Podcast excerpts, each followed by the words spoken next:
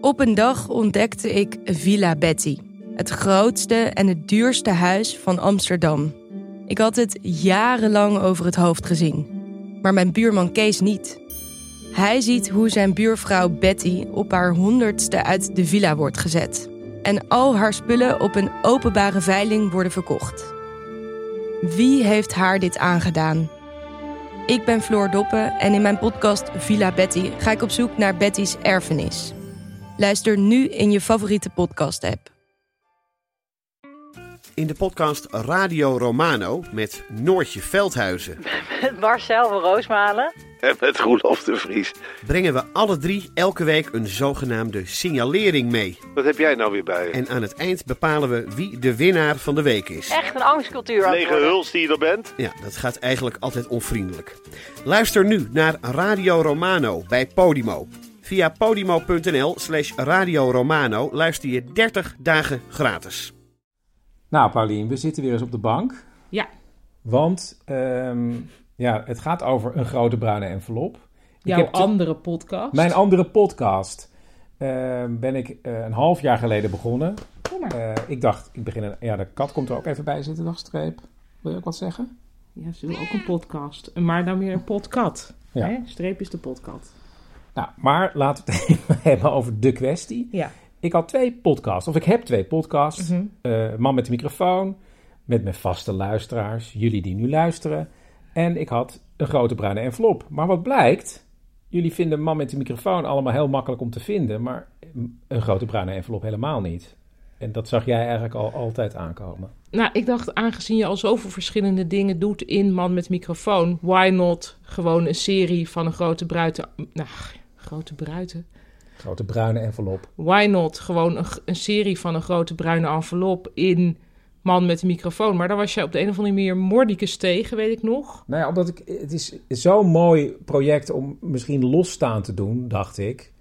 Maar ja, dat heeft ja, dus dat niet... geldt wel voor meer dingen. Ja. Ja. Dus ja, doe dan maar allemaal gewoon onder jouw paraplu. Ah, fijn. Nu is het zo. Eh, ik ga Ik bleek gelijk te hebben. Allereerst, ja. Dus ik ga alle afleveringen van Een Grote Bruine Envelop gewoon zetten in de feed van Man met de microfoon. En die serveer je dan per week of zo uit? Ja, dan ga ik de komende weken die uitserveren. Ook Hartstikke in leuk. aanloop naar De kleine komedie. op 4 december. En daar kan je nog heen. Wel snel zijn, denk ik. Ja, dat wordt nu, wordt het nu wel dringen. Maar snel kaartjes kopen. En volgens mij wil Streep daar ook nog wat over zeggen. Streep, wil je nog wat zeggen? Nee, even hierheen. Hierheen. Nou, Streep, draait haar wil- hoofd van mij af. Nee, ze wil wel, ze wil wel nog Wil je even wel zeggen? Wacht, geef eens naar mij. Dit duurt te lang. Maar dan kun je toch even een stukje uitknippen. Kom eens. Maar we gaan dus nu luisteren naar de allereerste aflevering van Een Grote Bruine Envelop. Dit is Een Grote Bruine Envelop. En ik ben Chris Baayema.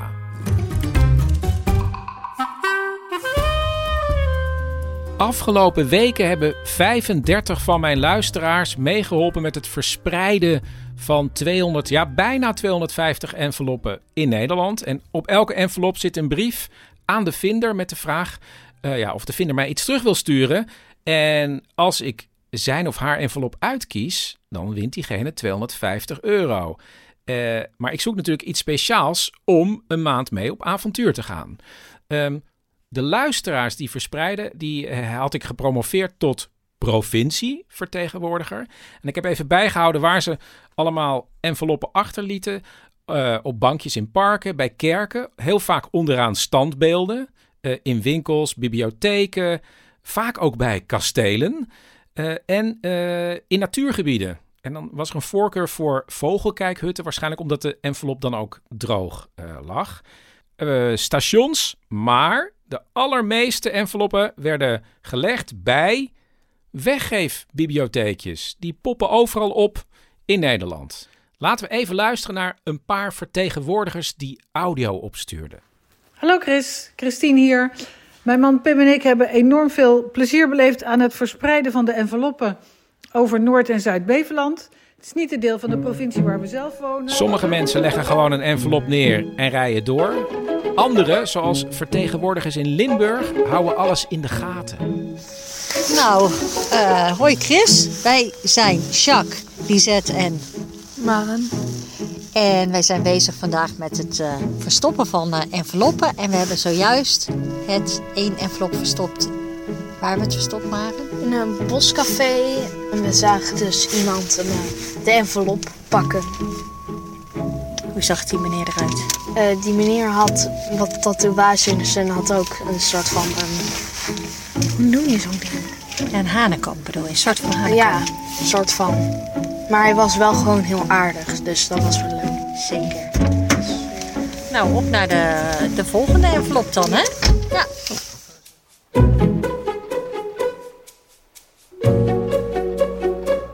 Heel veel provincievertegenwoordigers melden mij dat ze bij het verspreiden weer ontdekten dat ze in de mooiste provincie van Nederland woonden.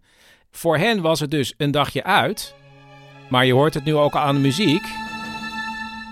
Mieke uit de provincie Overijssel ging opnames nemen als een soort James Bond om te kijken of de envelop die ze had neergelegd in de bibliotheek werd meegenomen door die man. Legt het tijdschrift neer. Ja, hij ziet hem. Hij ziet hem. Hij pakt hem op. Leest. Blijft lezen. Maar hij zet hem terug. Pakt zijn stapeltje tijdschriften. Oh, neemt hem niet mee. Hij twijfelt.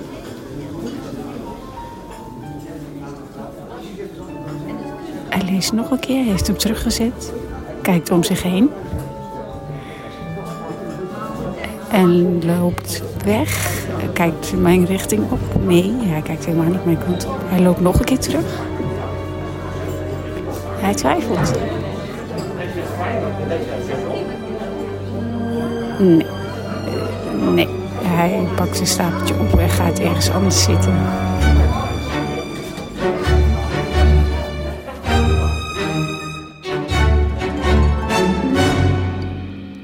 Veel provincievertegenwoordigers die kijken voortdurend of hun enveloppen eigenlijk wel gevonden worden en teruggestuurd. Waaronder Leon. En Leon, jij kijkt heel veel toch op de kaart? Ja, elke dag. Elke dag. en uh, ja, dat is toch een beetje onderdeel van het spel. En, en van sommige enveloppen heb ik ook de neiging om terug te fietsen. Dat ik denk van ja, die, hang, die hangt misschien gewoon toch net iets te veel uit het zicht. Ik heb er bijvoorbeeld in Noor Hoorn heb ik er eentje bovenop op kast gelegd. In een museum. Ja, daarvan is het wel de vraag of iemand hem ooit vindt. Dus ik heb zelfs de neiging om terug te fietsen en er een paar iets meer in beeld te leggen. Oh, maar Leon, dit weet je nog helemaal niet dan. Er is, nou, er is op Instagram een filmpje van iemand die die envelop in dat museum pakt. Dus die Oh, dus is echt gewoon gericht gaan zoeken. Oh, wat goed. Maar dat is ook iemand die, die vanaf de kaart daar naartoe is gegaan. Ja, die heeft waarschijnlijk gewoon op de kaart gekeken waar ligt die. En die heeft toen eh, die envelop gepakt. Je kan het op Instagram zien, dat filmpje. Het is misschien zelfs zo dat mensen willen zoeken, Leon. En in dit, ge- dat geval kunnen ze nog naar de jachthaven uit Geest. Dat geef je nog even als tip mee. Ja, ja daar, hij ligt heel leuk, vind ik zelf. Oké, nou dan kunnen mensen op de kaart gaan kijken en gaan zoeken. Ja. En zoek, nou, daarna nog een tijdje zoeken. Chris, ja. Zullen we anders even ja, lukraak wat dingen opnoemen die zijn teruggestuurd? Ja, dat is goed. Begin jij of ik? Ik begin. Oké. Een vaccinelichtje, een haar of een draad, een soort klokje, een oude advertentie, ballonnen, een zwart-wit foto van een gezin voor een huis, een brief in spiegelschrift, een blauw elastiekje op een foto, een scheermesje, een tekening met het woord trust, een pillenzakje van een apotheek, haar van een konijn, een folder van een hikingcollectie, een krant van 22 juli 1969, gebreide of gehaakte hartjes, een sleutelhanger met een klein mondharmonicaatje, een allereerste aquarel van een tuin, een molenkoek, een gedicht van Charlotte Mutsaars met foto's van een gezin, een foto van een merklap uit 1900, een vlag uit een jongerenhonk, een kopie van oude Donald Ducks, een folder van een heemkundevereniging in Heemsbroek. En een heel klein vogelveertje. Er zijn nu iets meer dan 70 enveloppen teruggestuurd met inhoud. En ervaring leert overigens dat eh, twee derde zo'n beetje uiteindelijk verdwijnt. Die komen nooit meer terug. Die zijn in een vuilnisbak verdwenen, denk ik. Maar nog niet alle enveloppen zijn gevonden. En sterker nog, nog niet alle enveloppen zijn verspreid. Want bijvoorbeeld Martijn, vertegenwoordiger in de provincie Utrecht, voor de, hij is verantwoordelijk voor de driehoek Zeist, Amersfoort, Veenendaal. Die heeft nu een hernia. Dus Martijn, succes met je hernia. En ja, jouw enveloppen zullen de komende tijd als vanzelf op de kaart verschijnen. En dan zijn we nu toegekomen aan het moment waarop ik mijn eerste envelop kies, waarmee ik de komende maand op avontuur ga en hoop mooie verhalen tegen te komen. Die envelop werd door Stefan achtergelaten in de HEMA in Eindhoven. En het is envelop 226. En zo begon dus mijn project Een Grote Bruine Envelop. En dan krijg je nu meteen de twee afleveringen te horen naar aanleiding van de envelop die ik net koos. Dit is Een Grote Bruine Envelop. En mijn naam is Chris Baayema. Ik heb in heel Nederland lukraak 250 enveloppen verspreid in parken, bij bakkers, op dijkjes. En op elke envelop zit een brief waarin ik de vinder vraag mij iets terug te sturen. Iets dat mij inspireert om op avontuur te gaan, op zoek naar verhalen. Dit is aflevering 1, de ansichtkaart. Ik heb al mijn uh, enveloppen genummerd van 1 tot en met 250. En nummer 226 werd door een van mijn provincievertegenwoordigers neergelegd bij de HEMA in Eindhoven. Nou, die envelop is gevonden en iemand heeft mij iets teruggestuurd. Namelijk een ansichtkaart en daar ga ik mee op pad. En voor op de ansichtkaart staat een foto van een man met lang zwart haar, een snor. Ik denk Zuid-Amerikaans is hij. En hij leunt op een bord en daarop staat Poems and Condoms for Sale, One Size Fits All. En hij noemt zich Reverend Pedro. En als je de ansichtkaart omdraait, daar ga ik me natuurlijk vooral op richten, dan staat daar een tekst. Namelijk: Dear Fritz, New York is heaven. All party, no sleep, hot chicks, biki biki forever. Wish you were here, Eric. P.S. If your social calendar allows, please Contact me soon. I.e. Cheffy Grill. En daaronder nog een telefoonnummer. Dus het is geschreven aan Frits, maar het is geadresseerd aan Henk Chineski, Forsterhansplein 12 in Aste Heusden. En ik heb deze kaart uitgekozen om mee op avontuur te gaan. Dus ik ga op pad en ik zie wel wat ik tegenkom.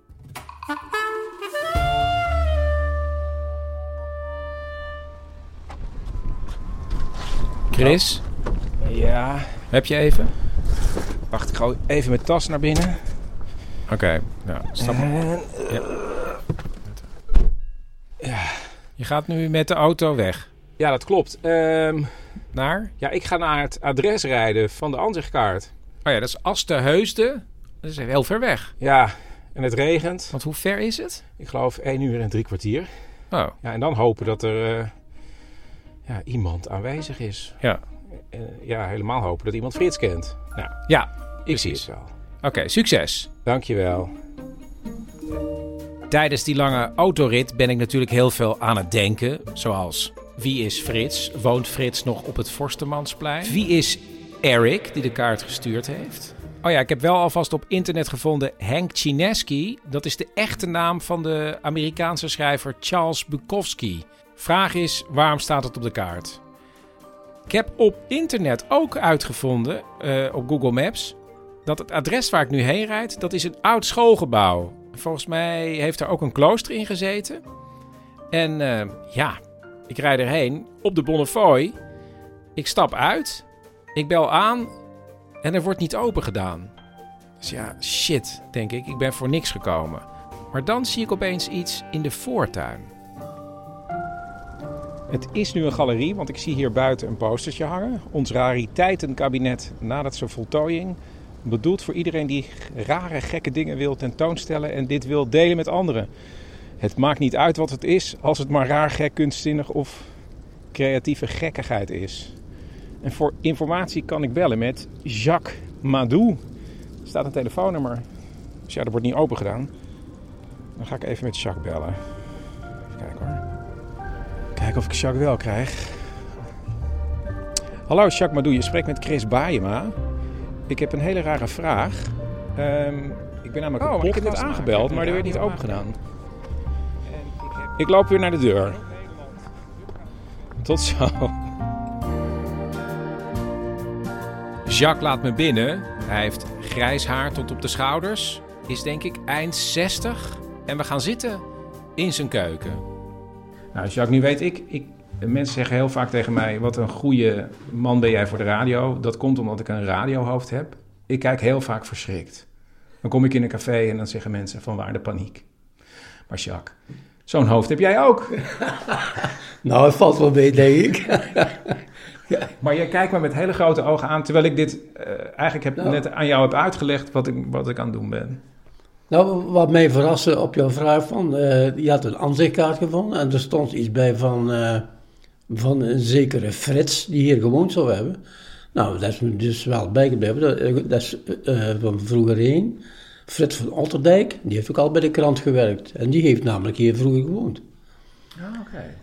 En het is uit 1993, deze aanzichtkaart. Zou dat kunnen? Ja, dat zou kunnen. Want wij wonen hier vanaf eh, 2005 wonen wij hier. En daarvoor heeft dit pand, ik dacht, acht tot tien jaar leeg gestaan. En daarvoor heeft Frits van Otterdijk hier gewoond. Maar als anti-kraker of als... Nee, nee, nee, nee, nee gewoon als... eh, eh, de pand mocht niet verloederen, omdat eh, de, de zusters vertrokken waren. En daarom is dat bewoond geweest door de jongeren. Onder andere door Frits van Otterdijk. Met de hulp van Jacques ga ik even googlen. En Frits zou begin 60 moeten zijn. En ik vind wel een Frits van Otterdijk bij Omroep Brabant, maar die ziet eruit als 40. Maar Jacques zegt, nee, dat is hem. Hij is- ziet er gewoon heel jong uit. Dus ik bel met Omroep Brabant. Goedemorgen, Omroep Brabant met Julia. Goeiedag, je spreekt met Chris Baayema. Ik had een vraag. Ik ben op zoek naar eh, Frits van Otterdijk. Als het goed is. Kan het even proberen. Momentje Ja, alsjeblieft. heel graag. Frits werkt bij de internetnieuwsredactie van Omroep Brabant. Zoiets. Nou ja, ze gaan hem zoeken. Bedankt voor het wachten. Ehm, Frits was pas vanaf eh, kwart over twee aanwezig. Frits is er dus pas die middag in Eindhoven, want daar zit Omroep Brabant. Maar dat geeft mij de tijd om nog met Jacques te praten over bijvoorbeeld de woning. Want ja, ze wonen in de oude hoofdonderwijzerswoning. Maar dat is ook een hele tijd een gedeelte geweest van een klooster. Daarom heet het Ave Maria. En sinds 2005 woont Jacques er dus met zijn vrouw Willemien. En ze hebben dan een woning slash galerie. En nu heeft Jacques dus het idee voor een rariteitenkabinet. In die tijd van, van, van de corona, dan ga je toch, ja, dan, je bent heel beperkt in je mogelijkheden. Dan ga je zitten nadenken, dan, ja, wat zou ik nou eens iets, iets kunnen creëren waar je de mensen blij mee kunt maken? Hè? En dat hoeft dan niet heel groot te zijn, maar heel, heel, eh, eh, heel subtiel een kastje maken. En dat is het rariteitenkabinet eh, geworden. En het is eigenlijk helemaal klaar. Dus jij bent nu de eerste waar ik het misschien aan kan laten zien. Ja, het, sta- het staat nog binnen en het moet nog geopend worden en dergelijke. En dan uiteraard met rariteiten erin. Op het moment hebben wij drie of vier dingen die we al kunnen laten zien straks aan de mensen. En wij denken dat de mensen, als ze er langs komen lopen, dan, dan, dan is een dag geslaagd. Die worden blij, die, die zijn eh, wat gek, wat raar. En dat is de bedoeling. Jacques neemt me mee naar de woonkamer waar het rariteitenkabinet staat. Oh. Echt een heel mooi kastje. Maar heb jij dit gemaakt? Nee, dit was er al, toch? Nee, dat heb ik, dat heb ik zo gemaakt. Het is niet, het is niet zomaar iets. Hè. Het is, eh, en daar heb ik ook eh, bijna een jaar aan gewerkt.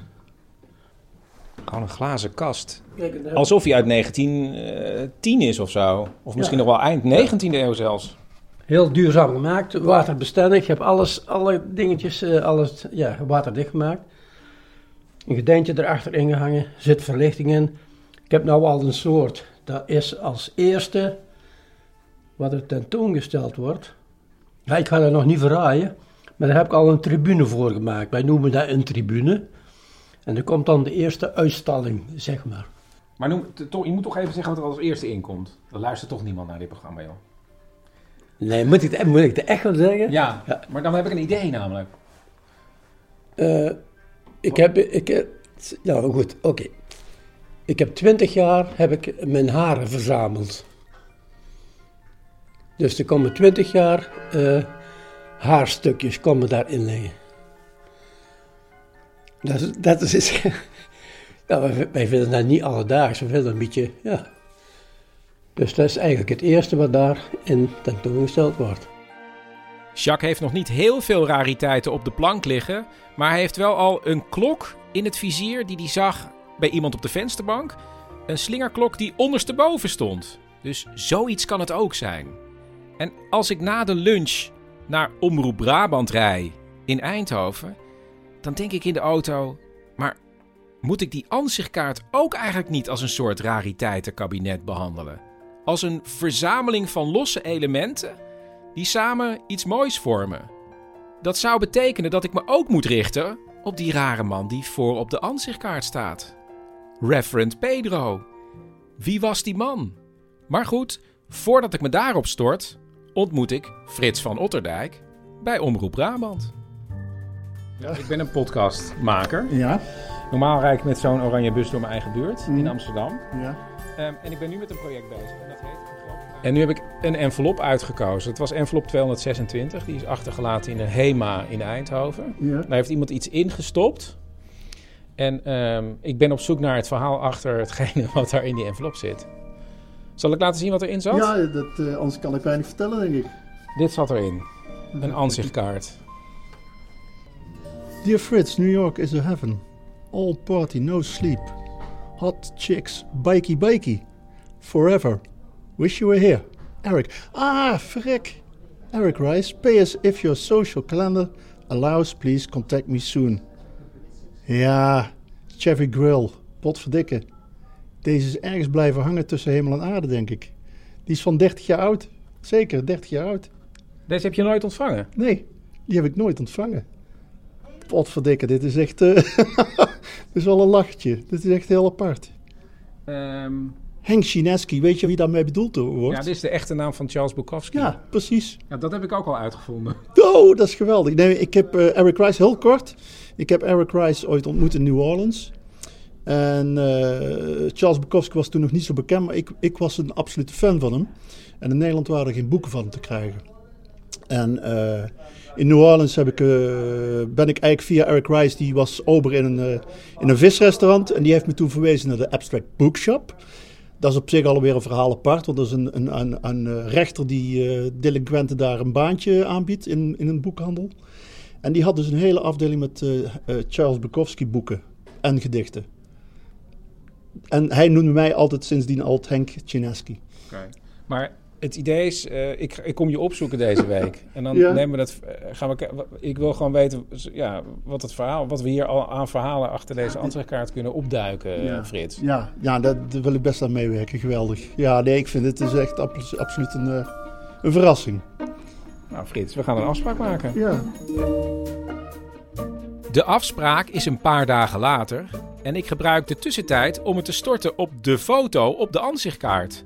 Van die man die bij het bord staat: Poems and Condoms for Sale, One Size Fits All. En er staat er ook nog bij dat het Reverend Pedro is. En deze, ja, grappige kaart van die rare man is ooit uitgekozen door die Amerikaanse Eric om aan Frits te sturen. Maar wie is Reverend Pedro? Nou, dat ga ik je vertellen. Ik heb het uitgezocht.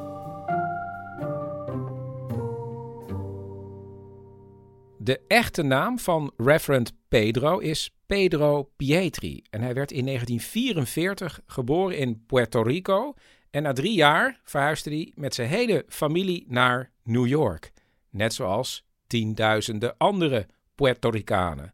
Hij groeide op in New York en ging heel jong in het leger om te vechten in Vietnam. En het was niet alleen die oorlog die een diepe indruk op hem maakte, maar ook het feit dat er daar in het leger zoveel sprake was van discriminatie. ook ten opzichte van de Puerto Ricanen. En toen hij terugkwam in New York, toen besloot hij te gaan optreden als dichter, spoken word artiest zou je kunnen zeggen. Ehm, beïnvloed door zijn tante, die vroeger altijd gedicht aan het declameren was. En eigenlijk, ja, hij leerde de kracht van het woord. En toen hij 25 was, toen uh, trad hij op in een kerk die was ingenomen eigenlijk door een groep Puerto Ricanen, nationalistische Puerto Ricanen. Die heette de Young Lords.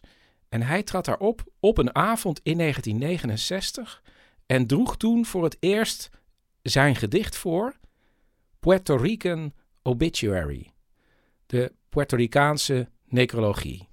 En we kennen natuurlijk allemaal dat gedicht niet, maar het is dus in die gemeenschap, in die tijd, een heel belangrijk en uiteindelijk heel beroemd gedicht. En eigenlijk is het één groot eerbetoon aan die tienduizenden Puerto Ricanen die vaak hun vaderland verlieten en zelfs hun taal voor een groot deel opgaven en hun identiteit om maar een goede Amerikaan te zijn, terwijl die Amerikanen hun heel slecht behandelden.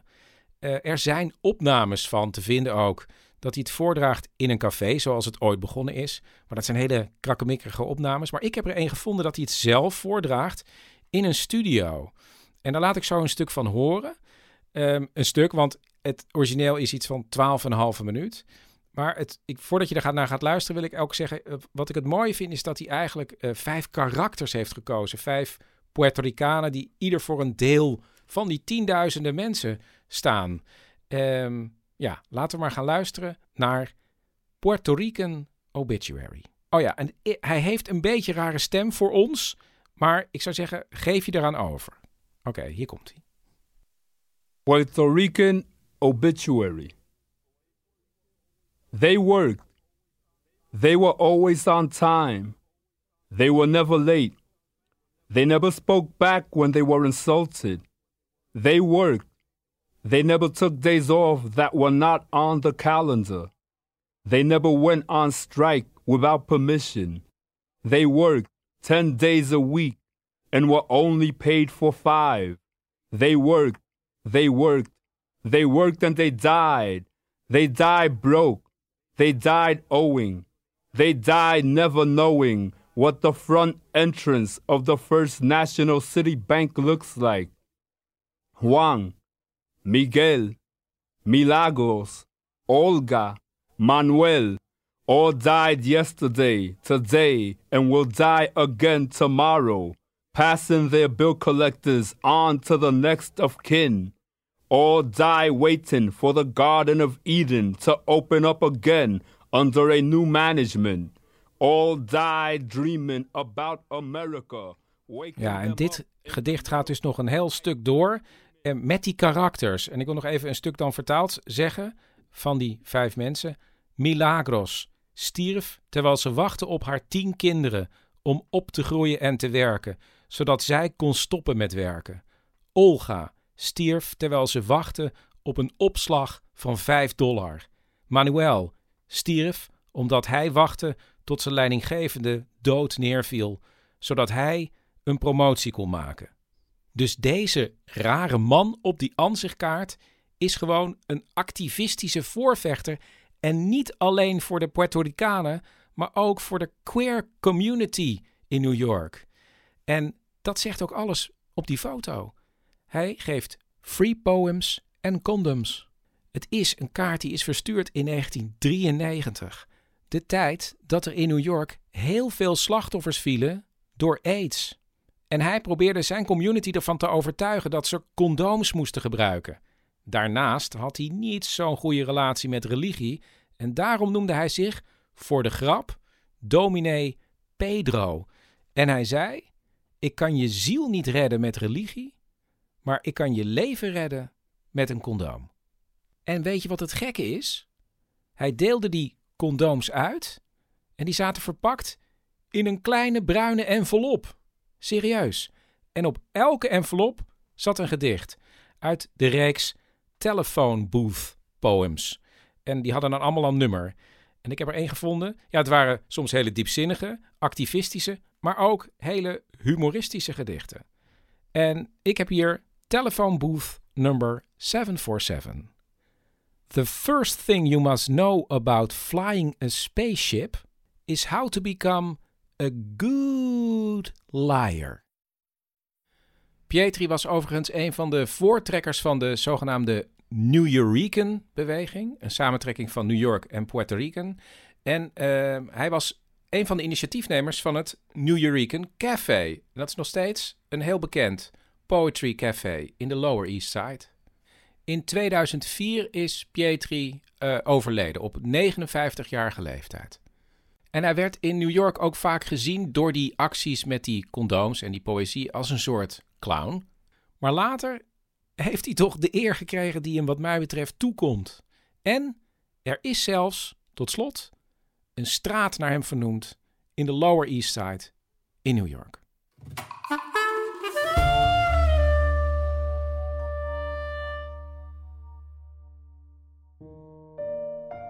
In de aanloop naar mijn gesprek met Frits heb ik hem gevraagd om ja, heel erg goed te bedenken van ja, 1993. Wat voor tijd was dat voor mij? Wat was toen belangrijk?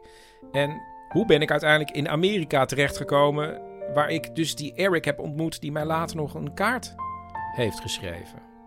En als ik dan bij Frits aan zijn keukentafel zit, dan vertelt hij wat ik noem het verhaal van Frits en Marleen. En dat begint in het huis Ave Maria. Ik heb, ik heb er tien jaar gewoond. Ik ben daar uh, komen wonen. Ik denk, wat zal het zijn? ik doe even een gokje. Ergens tussen 86, 87 denk ik en, uh, en, en 97. Ongeveer tien jaar heb ik gewoond. Ja, dus... Um, en dat was een hele mooie periode. Dat was ook echt... Je was totaal niet bezig met de toekomst eigenlijk. Het was gewoon van dag tot dag leven. Het was ja, vuurtje stoken, uh, wijn drinken. Uh, het, was, het was eigenlijk elke dag feest. Frits is dan 30 jaar, verslaggever bij het Eindhovens Dagblad en geniet van het leven. Daar voor de deur is altijd kermis één keer per jaar. En uh, Marleen komt hier ook uit de buurt, uit Vlierde. En ik, het was het mooiste meisje van de kermis. en zo zijn we eigenlijk, zo hebben we eigenlijk elkaar leren kennen. Ik weet dat ik met een vriendin op de kermis was. En daar um, was ik bij het pleintje, dus niet op de kermis zelf, maar bij het café, pleintje, daar is was het te doen. Daar kwam ik Frits tegen. En die um, we raakte een beetje aan de praat, maar dat kwam ook omdat hij me een roos kwam aanbieden. En, um, en vervolgens was hij ook weer even gekletst, maar was het ook weer uh, weg. En uh, ik ga je, ik ga, uh, we gaan elkaar nog zien. We gaan elkaar nog zien. Ja, dag Marleen, dat moet ik nog maar zien. Maar uh, een week daarna, of mm, niet zo lang daarna, heb, kreeg ik een uitnodiging om een keer te komen eten. Had ze Frits eigenlijk al eens eerder gezien in de buurt? Ik kende Frits niet. Maar wat, hoe je hier als jongere elkaar kent, herkende ik hem, heb ik hem wel eens gezien, weet je wel zo. En uh, mijn vriendin ook. En die zei van, nee, maar die heeft een vriendin. Nou, die heeft een vriendin. Ze ging bij hem eten. En hoe was die avond? Ja, die was heel erg leuk. Die, ik ben toen echt eh, tot over mijn oren verliefd uh, daar naar huis gereden. Ik heb een bandje meegekregen met muziek van allerlei, weet je wel zo. En de ochtend heb ik helemaal een reis gedraaid thuis. Uh. Ja, maar ja, en ik hoor jullie denken, maar die vriendin had gezegd, hij heeft al een vriendin. Maar dat heeft Marleen ook even aan Frits gevraagd. En hij vertelt, nee, dat is uit, dat is klaar. En het is leuk om, een, uh, om elkaar wat beter te leren kennen. En toen zijn we ook daarna zijn we ook gewoon zes weken op de motor naar Griekenland op vakantie geweest. Dat was hartstikke leuk en het ging allemaal perfect. Het ging allemaal perfect, maar als je heel eerlijk bent, Frits. Als ik heel eerlijk moet zijn, ik, had, uh, ik kwam uit een andere relatie en ik heb haar leren kennen. En uh, ik moet zeggen, dat is toen eigenlijk niet heel mooi gegaan, die overdracht. In die zin van, ik had het eigenlijk niet goed uitgemaakt, zou ik maar zeggen, met mijn vorige ex. Uh, toen had ik op een gegeven moment twee vriendinnen en dat ging helemaal fout. dat was ook helemaal mijn eigen stomme schuld. Ik had echt, ja, ik kon, kon mijn haar wel uittrekken, zo stom dat ik was. Dus daar heb ik eigenlijk, ja... Hoe is dat zo gekomen, Frits? Ja, ja, ja. Ja, weet je, ik, ik, als ik het terug analyseer, maar dat is misschien een zwak mannensmoesje. Ik, ik, ik wilde eigenlijk niemand, niemand verdriet doen het bleef maar terugkeren in die zin dat, het, uh, dat uh, ik ook niet van die uh, oude liefde af kon komen, wilde komen. het was allemaal ja, vrijheid, blijheid. Dat, daar ben ik niet zo trots op, op die periode. Is er eigenlijk een moment geweest dat de bom barstte? Nou, dat was heel pijnlijk. Het was mijn verjaardag. En dan ga ik echt dingen vertellen die ik echt nog nooit verteld heb. Maar het was op mijn verjaardag en ik kom thuis van... Ik had een avonddienst uh, van het Eindhoven Dagblad naar huis gereden. En ik kom thuis en dan zitten twee vrouwen op me te wachten. Marleen kan zich nog heel goed herinneren dat ze, ondanks dat Frits zei: nee, nee, dat hoeft allemaal niet, hem wilde verrassen. Thuis, op zijn verjaardag. Ik stap uit mijn autootje. Um, ik loop daar naar de voordeur en ik bel aan. En toen deed de ex van Frits open. En die kende ik, want ik wist dus hè, vanaf het begin dat er een ex was. En dat was ook altijd het verhaal van het is een ex. En daar heb ik wel eens contact mee, maar ja, verder niks aan de hand. In het huis van Frits stonden twee vrouwen met ieder een eigen versie in hun hoofd. Mijn versie was: wij, wij zijn samen en we hebben het goed samen. En jij bent zijn ex-vriendin. Dat is mijn versie. En haar versie was, ja, ik ben eerder, hè, ik was ex, maar wij hebben wel contact gehouden en dit is weer opgebloeid. Daar ben ik nu.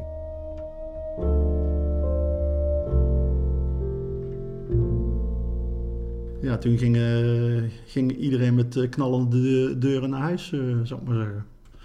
Nou ja, die boosheid die is, die is eigenlijk wel heel lang blijven, blijven hangen. En terecht, denk ik. Ja, kijk, Frits heeft wel veel pogingen gedaan om weer met mij in contact te komen. Dus hij liet me wel het een en ander weten. En dat is door een telefoontje. En de telefoon, dat, dat, ik luisterde wel naar hem. En hij schreef kaartjes. Oh, die kon zo goed kaartjes schrijven. Frits heeft heel veel kaarten en brieven en wat dan ook geschreven. Maar ik hoefde verder niks met hem. En ik moet zeggen, vanaf dat punt uh, is dat toch wel een soort keerpunt in mijn leven geweest. Want ik, ik ben toen echt voor het eerst sinds lange tijd, uh, een, een, hele lange tijd alleen geweest. En, en, en, eigenlijk helemaal in, in, mezelf gekeerd van, nou, van verdriet niet meer, maar van, meer van gêne. Gewoon van, wat heb ik nou toch eigenlijk mensen aangedaan? Wat, dat, dat kan toch helemaal niet zo? En, er moet iets gebeuren. Er moet iets gebeuren, ja. Dus toen was Amerika was een, een goede optie om helemaal aan de andere kant van, van de oceaan om eens te kijken wat ik wilde. Maar je had zelfs het idee om daar eventueel te blijven? Ja. Ja. Ik, om, omdat ik ook verder niet uh, gebonden was aan, aan, aan, aan mensen of ja goed, mijn familie dan, hè, mijn, mijn, mijn, ouders. Ja, de, de, de wereld lag eigenlijk op mijn dertigste nog helemaal open.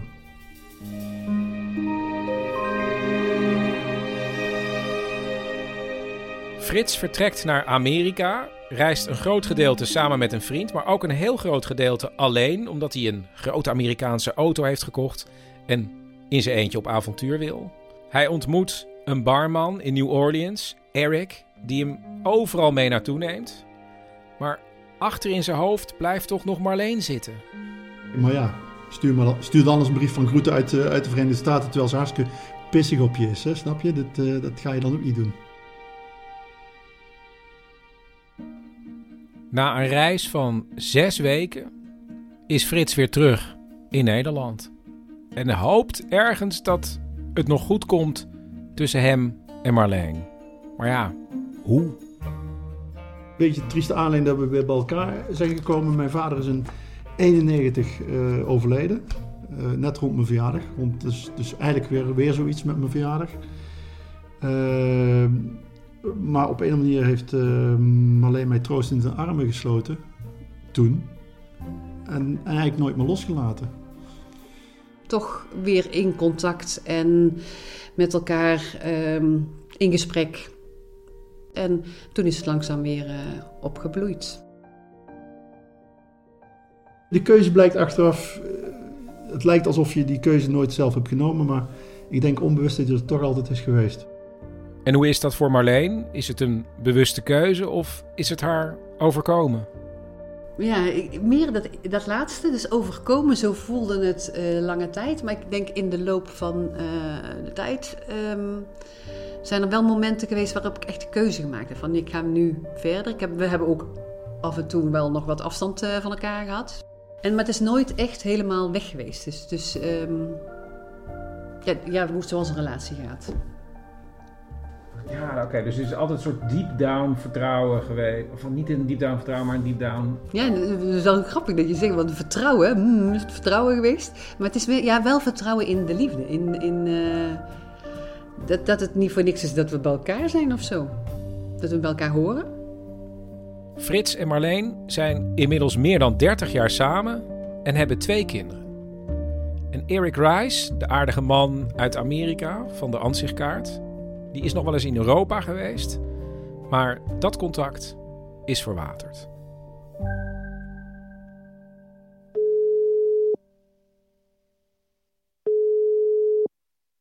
Goedemorgen, Jacques Bedoel.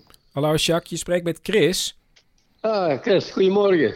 Goedemorgen. Eh, alles goed? Eh, goed. Luister Jacques, ik heb een, eh, een idee. Vertel eens. Ik ben benieuwd. Ja, nou, eh, Ja? Het, het zit zo. Ik maak twee afleveringen nu eh, met één envelop. Eh, nou, de ansichtkaart heb ik nu een beetje uitgezocht. Dus nu is de volgende fase. Aflevering 2. En ik krijg jouw rariteitenkabinet niet uit mijn hoofd. En ik bedacht me, je hebt nog niet zoveel rariteiten. Ik kan misschien aan mijn luisteraars of op andere manieren mensen oproepen om rariteiten aan jou aan te bieden. Want mag het ook uit heel Nederland zijn? Eh, ja. Ja, nou, dus mijn droom is eigenlijk dat mensen op een gegeven moment met de bus of met de trein of met de auto naar Aste Heusden reizen.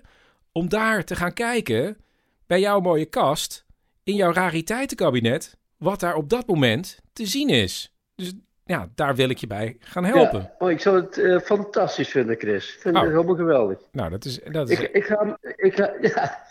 ik, eh, ja. Ik, ben er een beetje stil van geworden. Ja, nou, dan heb ik nog een idee, want eh, omdat hij bijna af is, heb ik bedacht, dan gaan we hem openen Ja. eh, feestelijk op 30 april. Ja, dan moet, ja en ik even, even wachten. 30 april. We zitten nu half maart. Nee, Dus dat het is al april, het is al 12 april. Oh ja, natuurlijk. Het is al, het is al 12. Nee, dan heb ik nog maar 14 dagen. Ja, maar Jacques, dat kan jij. Ja, ik ga, want er moet nog elektriciteit aangelegd worden. Ik ga eh, eh, dingetjes ondernemen en dan eh, gaat het goed komen. Nou, Jacques, dat klinkt heel goed. Ik ga gewoon zorgen dat het rariteitenkabinet op zijn plek komt. Dat het helemaal klaar is. En eh, eh, kunnen we afspreken dat we dan nog eh, eh, contact blijven houden? Ja, nee, Jacques, wij blijven gewoon contact houden. En ik ga proberen ook om, weet ik veel, Omroep Brabant nog te. De vraag is dus of jullie wellicht iets raars of geks hebben, creatieve gekkigheid, zoals Jacques Madou het noemt, wat hij tentoon kan stellen in zijn vitrine, zijn rariteitenkabinet. En ja, 30 april, hè, dan is de opening. Ik hou jullie wel op de hoogte via Instagram. Ehm, ja, dat was het. Eh, alles staat in de show notes. En oh ja, als je rariteit hebt, dan kan je die rechtstreeks aanbieden bij Jacques. Daar heb ik een eh, adres van, een mailadres in de show notes. Ik zou zeggen, tot over twee weken. Nou, wacht even, Chris. Misschien iets later, toch? Oh ja, want we zitten met de opening op 30 april. Dus iets later dan 30 april. Tot dan.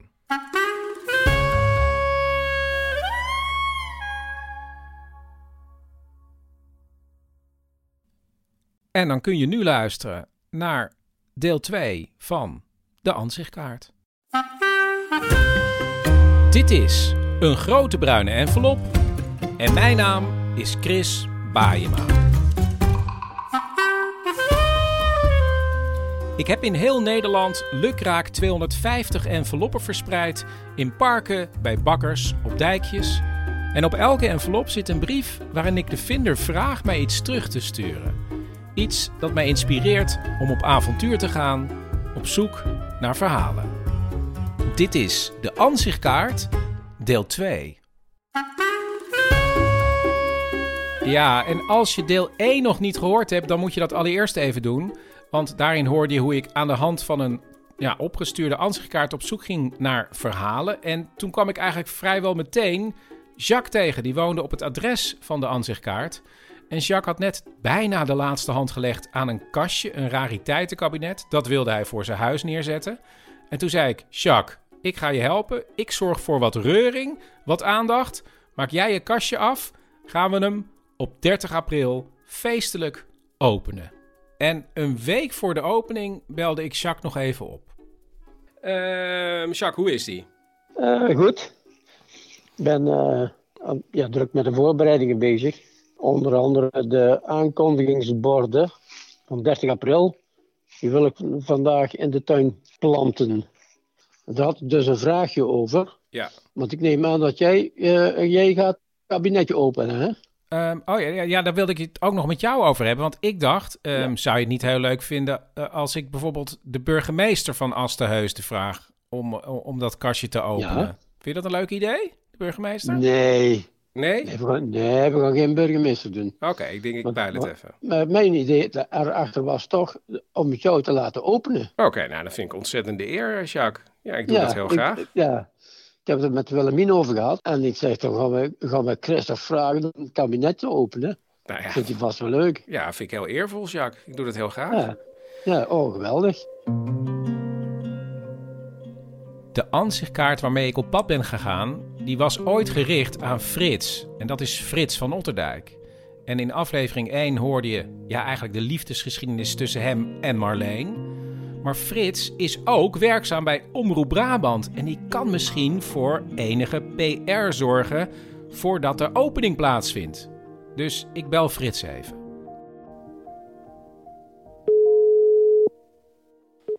Frits van Olderdijk. Hey Frits, met Chris. Hey, goedemorgen. Goedemorgen. Ehm, allereerst, ja, hoe is het vergaan eh, sinds de uitzending? Nou, met, mij best. Met, jou iets minder geloof ik, of niet? Ja, ik heb corona gekregen. Ja, ik ben nu weer een beetje. Maar het heeft wel anderhalve week bij elkaar bijna geduurd. En dat was je, je, je eerste besmetting, om het zo maar te zeggen. Ja, en ik was al geboosterd en ik had al twee vaccins. En nou ja, Ja. heel vreemd. Nou. En, en, en nu heb ik een soort kuchje opeens ontwikkeld ook. Maar ja. Oh jee, ja, Ja. Nou, herken- herkenbaar, want ik heb, eh, ik geloof dat ik drie of vier dagen dat ik een beetje grieperig was, maar ik heb wel met zo'n hoesje, zo'n kriebelhoesje eh, rondgelopen, en, ik denk zeker wel eh, twee, drie maanden. Ongelooflijk. Dus ja, oh. ja, bereid je voor. Hè? Ja, ja, nou, ik hoop dat dit kriebelhoesje sneller voorbij gaat. Eh, ehm, ja, we moeten ook nog even, dus de missie eh Jacques, daar moeten we het even over hebben. Ja. Ehm, wat zijn jouw eisers in het vuur op dit moment? Ehm, nou, ik, ik had vorige week heb ik bij een collega van eh, Brabant Vandaag, van de tv, heb ik, eh, heb ik Jacques voorgesteld als kandidaat. En hij komt nu vrijdag eh, komt hij op tv.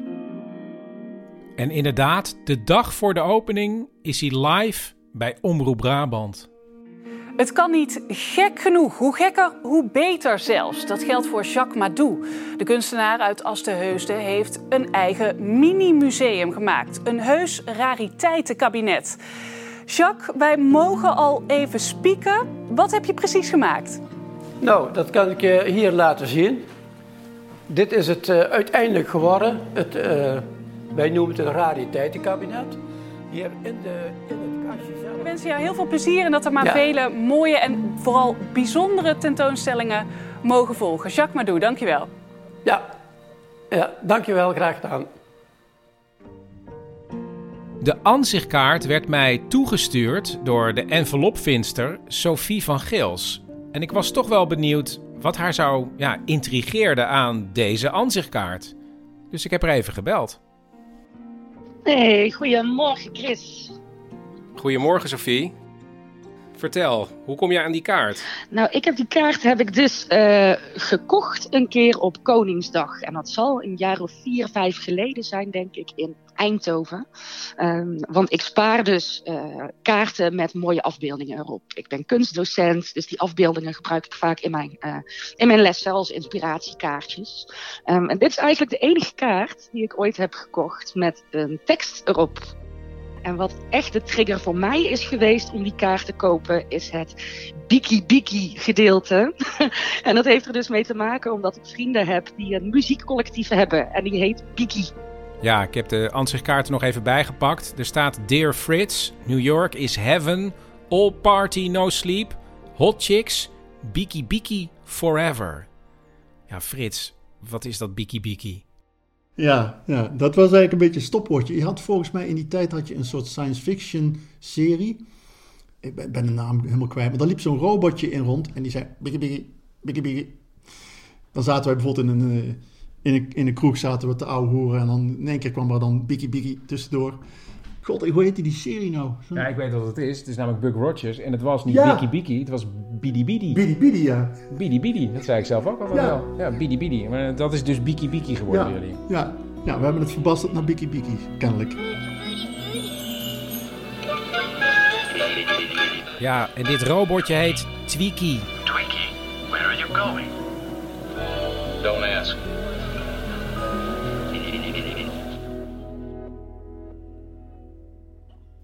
Wat goed. ah, maar wat ontzettend grappig. Dan weet ik ook waar die daar vandaan komt. Ja, en het gekke is dus, er was een raar robotje, die zei bidi bidi bidi. Dat schreef ene Erik op een kaart naar Frits. En dankzij dat biki biki openen we op 30 april een rariteitenkabinet. En jij komt ook, toch, Sophie? Tuurlijk kom ik naar de opening, Chris. Tuurlijk. Ja, ik wist al dat Sophie zou komen, want er is nog iets bijzonders aan de hand, maar dat bewaar ik even voor de speech die ik geef voor de opening. En ja, ik ging met mijn vrouw Paulien en zoon Wiek van Zeven naar Aste voor de opening. Kijk nou toch eens, jongens. Geweldig. Voor het gebouw Ave Maria. Allemaal mensen. Het is een soort receptie. Er hangen vlaggen aan het huis. Ik zie een gordijn om de rariteitenkast heen. En de opening gaat zo gebeuren door mij. Hoe hilarisch is dat? Tussen allemaal mensen, ik denk een stuk of tachtig, die gezellig iets aan het drinken zijn, staat Jacques met zijn vrouw Willemien. Hoe, hoe- ja, Willemien, hoe ging het met je? Vertel even, hoe, hoe was het voor Jacques de afgelopen Nou, tijd? Hij was wel heel, eh, heel druk en hij vond het heel erg spannend. Want ik- het is een beetje een rollercoaster. Vanaf, vanaf het moment dat jij bij ons binnen bent gekomen, nou is het gewoon zo gigantisch geweest. Het is echt zo leuk. Echt, en, en dan eh, vertelden we en de mensen, en dan eh, vertellen we het heel verhaal. En, en mensen zitten met zulke grote ogen te luisteren en te kijken. Nou, dat is echt het is zo grappig. Echt, het is, je hebt echt wat teweeggebracht hier. Het is echt zo lollig. Maar vertel, wat is er dan allemaal gebeurd? Ja, er moet natuurlijk wat mensen komen en we willen, het moet ingepakt worden en het moet eh, bekendgemaakt worden. Nou, en daar hebben we aan gewerkt. En nou hebben we, hebben we het een beetje gezellig aangekleed met wat hangtafels en wat krukken. En we een barretje gemaakt. We hebben koffie en drank gezorgd. Dus het feest kan gewoon beginnen. Ja, er was muziek, bijvoorbeeld deze tuba. Maar er was ook een eh, drumband. Nou ja, drumband. Dat waren vier mannen die liepen achter elkaar. En er was er maar één iemand die op een trommel sloeg. Maar voor Jacques kon het natuurlijk niet raar genoeg zijn allemaal. Er waren drie verklede mensen van de toneelvereniging. Een nar, een duivel en een levend schilderij. Eh, de lokale televisie was ook aanwezig, net zoals de lokale krant. En toen was het vier uur en nam Jacques het woord. Een speciaal welkom hier met een buurman, Chris. Ja, jij bent vandaag met een buurman.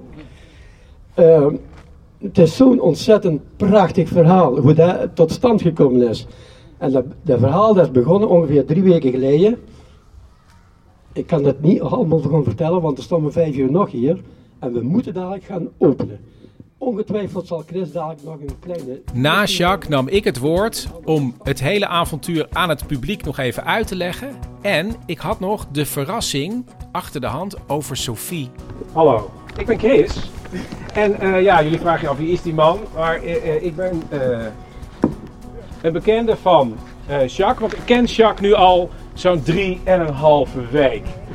en, eh, ik heb Jacques eh, dus drieënhalve week geleden ontmoet. En dit is de tweede keer dat ik Jacques ontmoet. En het heeft allemaal te maken met rare bruine enveloppen. Frits op het Forstemansplein nummer 12. En toen dacht ik, ik ga met deze ansichtkaart op pad op zoek naar verhalen. En alles wat ik tegenkom is geen toeval. En toen ben ik op een maandag hier lukraak naartoe gereden. Er werd niet open gedaan, overigens. En toen zag ik een bord in de tuin staan. Hier wordt binnenkort een rariteitenkabinet geopend. Heb je iets leuks of geks? Nou, Jacques is op uh, Omroep Brabant geweest. Sterren van de hemel, hè, Jacques? Geweldig. Geweldig. Er hebben een stuk al in de krant gestaan. En mijn wens is dat zo langzamerhand dit rariteitenkabinet een vaste plek krijgt in deze regio. Dat mensen, wat mij betreft, de bus nemen en even uitstappen op het Forstemansplein. Om te kijken welke rariteit er nu te zien is in het kabinet. En het meest grappige is dat er al een rariteit is aangemeld. Want wat blijkt, ik heb die enveloppen verspreid in heel Nederland. De vinster van de envelop waar deze ansichtkaart in zat, dat is Sophie. Die heeft mij deze ansichtkaart toegestuurd. En wat blijkt? Sophie is kunstenaar. En wat maakt ze? Rariteiten. Kortom, toeval bestaat niet. We gaan het rariteiten er wordt nu uh, door uh, de toneelvereniging wordt het bord weggehaald. Een duivel die knoopt het touw los. Ik sta dit even ja, voor Chris die staat er helemaal bij. Die kan niks zelf zeggen. Dus ik doe het nu. Dus ongeveer, ik denk, vijf kilometer touw. Daarom moet iedereen ook heel erg lachen. Dus de toneelvereniging, de, de als duivel verklede man, die loopt daar nu omheen.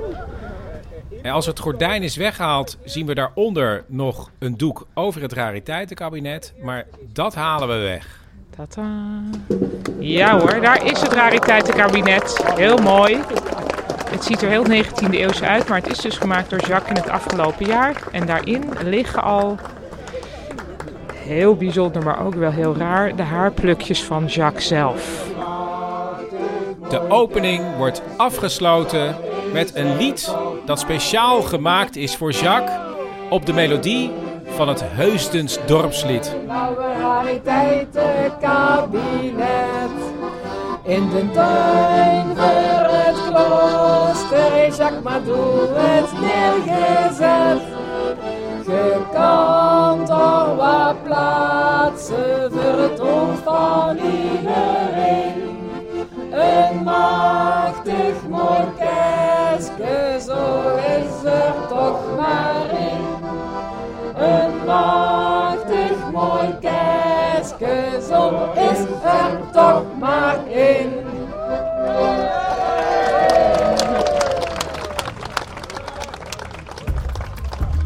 Tot zover de twee afleveringen van Een Grote Bruine Envelop over de ansichtkaart. Zoals die ook verschenen in mijn aparte podcast Een Grote Bruine Envelop.